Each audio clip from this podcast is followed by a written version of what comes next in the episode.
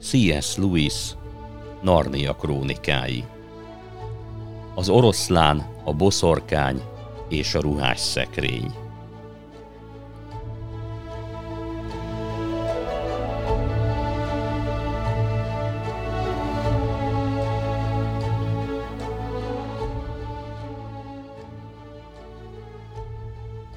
Harmadik fejezet Edmund esete a ruhás szekrényjel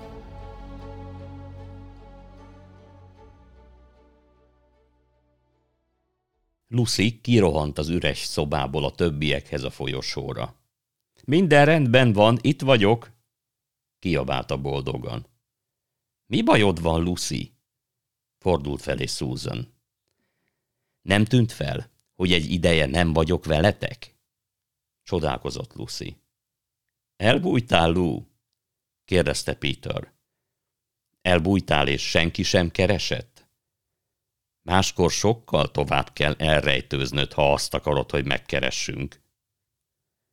De én hosszú órák óta távol vagyok, erősködött Lucy. A többiek egymásra néztek.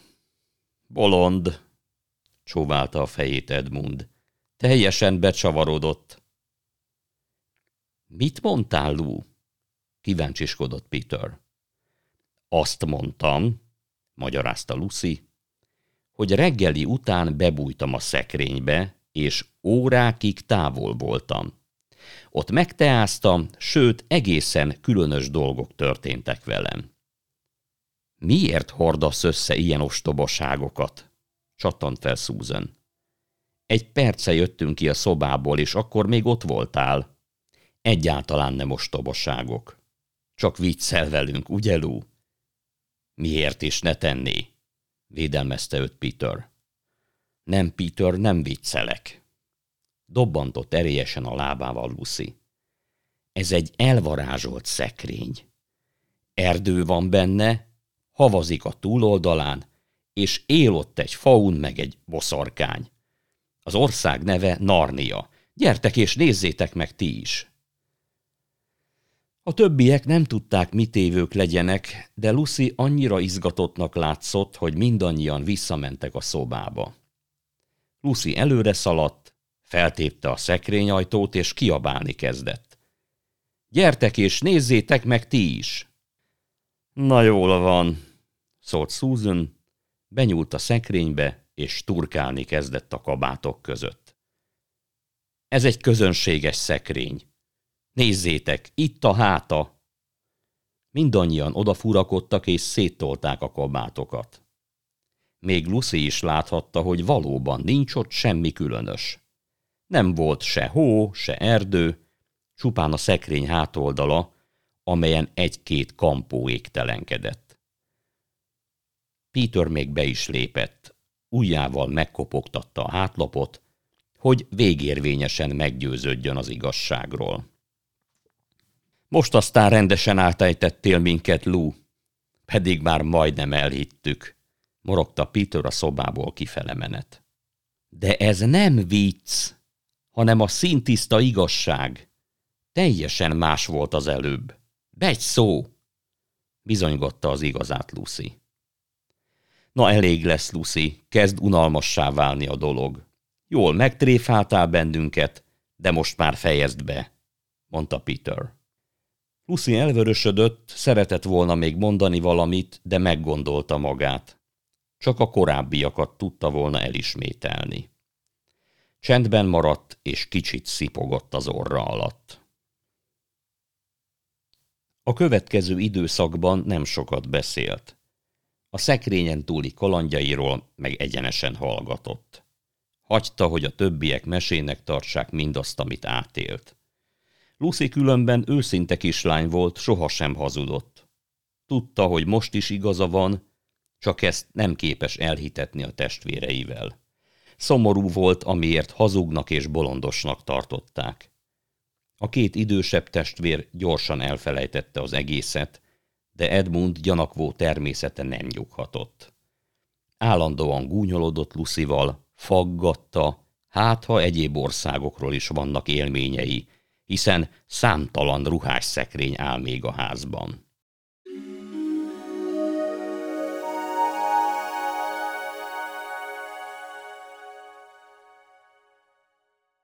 Verőfényes reggelekre ébredtek. Gyönyörű lett az idő. A többiek reggeltől estig a kertben heverésztek, fáromáztak, haláztak, fürödtek, szaladgáltak. Ám Lucy nem tudta magát átadni ezeknek az élvezeteknek. Így telt el az idő a következő esős napig. Délután esni kezdett. Szünet nélkül zuhogott, így be kellett húzódniuk a házba. Úgy döntöttek, hogy bent fognak bújócskázni. Susan lett a hunyó, a többiek pedig szétszélettek. Lucy ugyanabba a szobába keveredett, ahol a nevezetes ruhás szekrény állt. Nem akart bebújni, nehogy a többiek újra csúfolni kezdjék. Csak gondolta, bepislant egy kicsit. Az utóbbi napokban már ő is kezdte elhinni, hogy a narniai kaland csupán egy álom volt. Mivel a ház hemzsegett a hatalmas és titokzatos zugoktól, ezért Lucy elhatározta, hogy miután bekukucskált, egyből keres is egy másik búvóhelyet. Amikor viszont a szekrényhez ért, lépteket hallott a folyosó felől. Arra volt csak ideje, hogy beugorjon és magára hajtsa az ajtót. Nem zárta be teljesen, mert tudta, hogy ilyen ostobaságot még egy közönséges szekrény esetében sem teszünk. Edmund lépett a szobába. Éppen látta még Lucit, amint eltűnik a szekrény ajtó mögött, és azonnal utána ment. Nem azért, mert remek búbóhelynek találta, hanem megint gúnyolni akarta őt a csodaországról szóló mese miatt. Kihajtotta az ajtót, a kabátok a megszokott rendben lógtak a helyükön, Mojírtó szagát érezte, valamint csend és sötétség honolt mindenütt. Lucit nem látta sehol. Azt hiszi Susan vagyok, és éppen őt keresem, ezért van olyan csendben, gondolta magában Edmund. Beugrott és becsapta maga mögött az ajtót, mivel neki nem jutott eszébe, hogy ez mennyire ostoba dolog. Aztán Lucit próbálta felkutatni a kabátok rengetegében. Biztos volt benne, hogy egy hatalmas bundába burkolózva fog rátalálni, így egyre inkább zavarba jött, amikor hosszas keresgélés után sem lelt a nyomára. Ki akarta nyitni az ajtót, hogy egy kis világosságot engedjen be, de már azt sem találta. Egyáltalán nem volt ínyére ez az egész helyzet, és vadul tapogatózni kezdett minden irányban. – Lucy! Lu! – kiabálta izgatottan. – Hol vagy? – Tudom, hogy itt vagy. Nem érkezett válasz.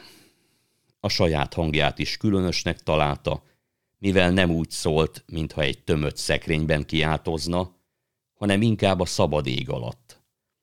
Váratlanul különös hideget érzett, majd hirtelen fényt látott.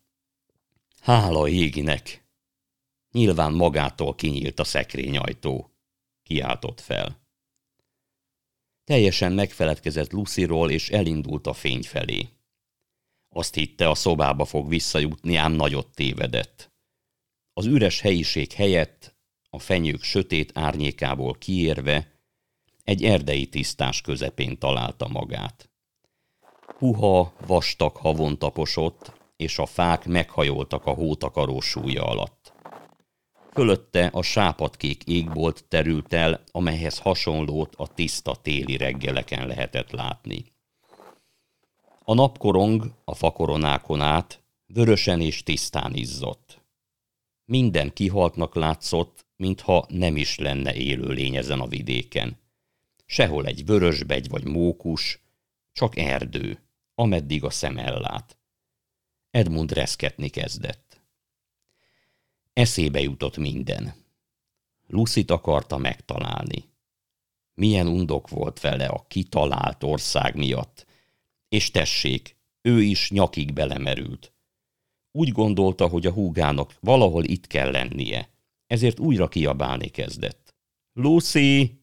Lucy! Én vagyok az Edmund. Semmi válasz. Biztosan nagyon dühös, amiért olyan utálatos voltam vele, morogta magában. Nem volt nagy kedve szembesülni saját tévedésével, főleg azért nem, mert ez azzal járt, hogy a hideg havon kellett áldogálnia egy ilyen kihalt, vonzónak egyáltalán nem nevezhető helyen. Megint kiabálni kezdett. Figyelj, Lú! Bocsáss meg, amiért nem hittem neked. Belátom, igazad volt. Kérlek, bújj elő, béküljünk ki. Ismét csend fogadta. A lányok mind ilyenek, dühöngött. Most duzzog valahol, és nem bocsát meg. Körülnézett, és félni kezdett. Nagyon barátságtalannak találta az erdőt, és azon törte a fejét, hogyan juthatna haza. Hirtelen, valahonnan messziről csilingelést hallott. Feszülten figyelt. A hang egyre erősödött, végül egy szán bukkant elő a sűrűből, amelyet két gyönyörű rénszarvas húzott. Szőrük vakító fehérsége a hóéval vetekedett. Agancsuk vöröslött, szinte tüzelt, mint a napfény. Az abla és a heveder vörös bőrből készült, két oldalt pedig apró csengők lógtak rajta. A bakon egy kövér törpe ült, alig három láb magas lehetett. Biztosan tartotta a gyeplőt. Fénylő medvebunda takarta a testét, fején vörös csukját viselt, amiből egy hosszú aranybolyt csüngött előre. Szakálla a térdét verdeste, szinte már szőnyekként szolgált. Mögötte, sokkal magasabban, egy egészen másfajta alak ült. Egy nő, aki hatalmasabb volt, mint bárki, akivel Edmund eddig találkozott. Bő, fehér szörmebundát viselt, jobb kezében hosszú, vékony aranypálcát tartott, fején korona csillogott. Arca nem sápatnak, hanem fehérnek látszott, mint a hó vagy a papírlap, kivéve vörös ajkait. Egyébként szép arca volt, de büszke és hideg, mint a jég. Csodálatos látvány, gondolta Edmund, ahogyan a szán odasiklott mellé. A csengők csilingeltek, a hó hullott, a törpe az ostorát csattogtatta. Állj! szólt a különös hölgy, és a törpe olyan hirtelen fékezett, hogy a szarvasok csak nem térdre rogytak. Aztán lassan megnyugodtak, meg-megrázták az ablájukat, és szaporán bólogattak. Orjukaik fújtattak a hidegben, mint a gyárkémény. Ki az ördög vagy te? Kérdezte a különös hölgy, és szúrós szemekkel bámulta Edmundot. Én, én, a nevem Edmund, válaszolta meglehetősen akadozva és bizonytalanul. Nem tetszett neki, ahogyan ez a nő a szemével fürkészte. Még a szemöldökét is összeráncolta. Szerinted így kell megszólítani egy királynőt? kérdezte még szigorúbb tekintettel. Bo bocsánatáért esedezem, felség. Nem tudtam, szabadkozott a fiú. Nem tudtad? Hát nem ismered meg Narnia királynőjét? Szinte már rikácsolta. Ha! Most majd egy életre megtanulod, mi az illem. Megkérdezem újra.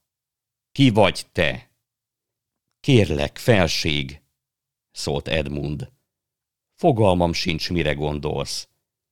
Még csak iskolás vagyok, azaz voltam, mivel most épp szünet van.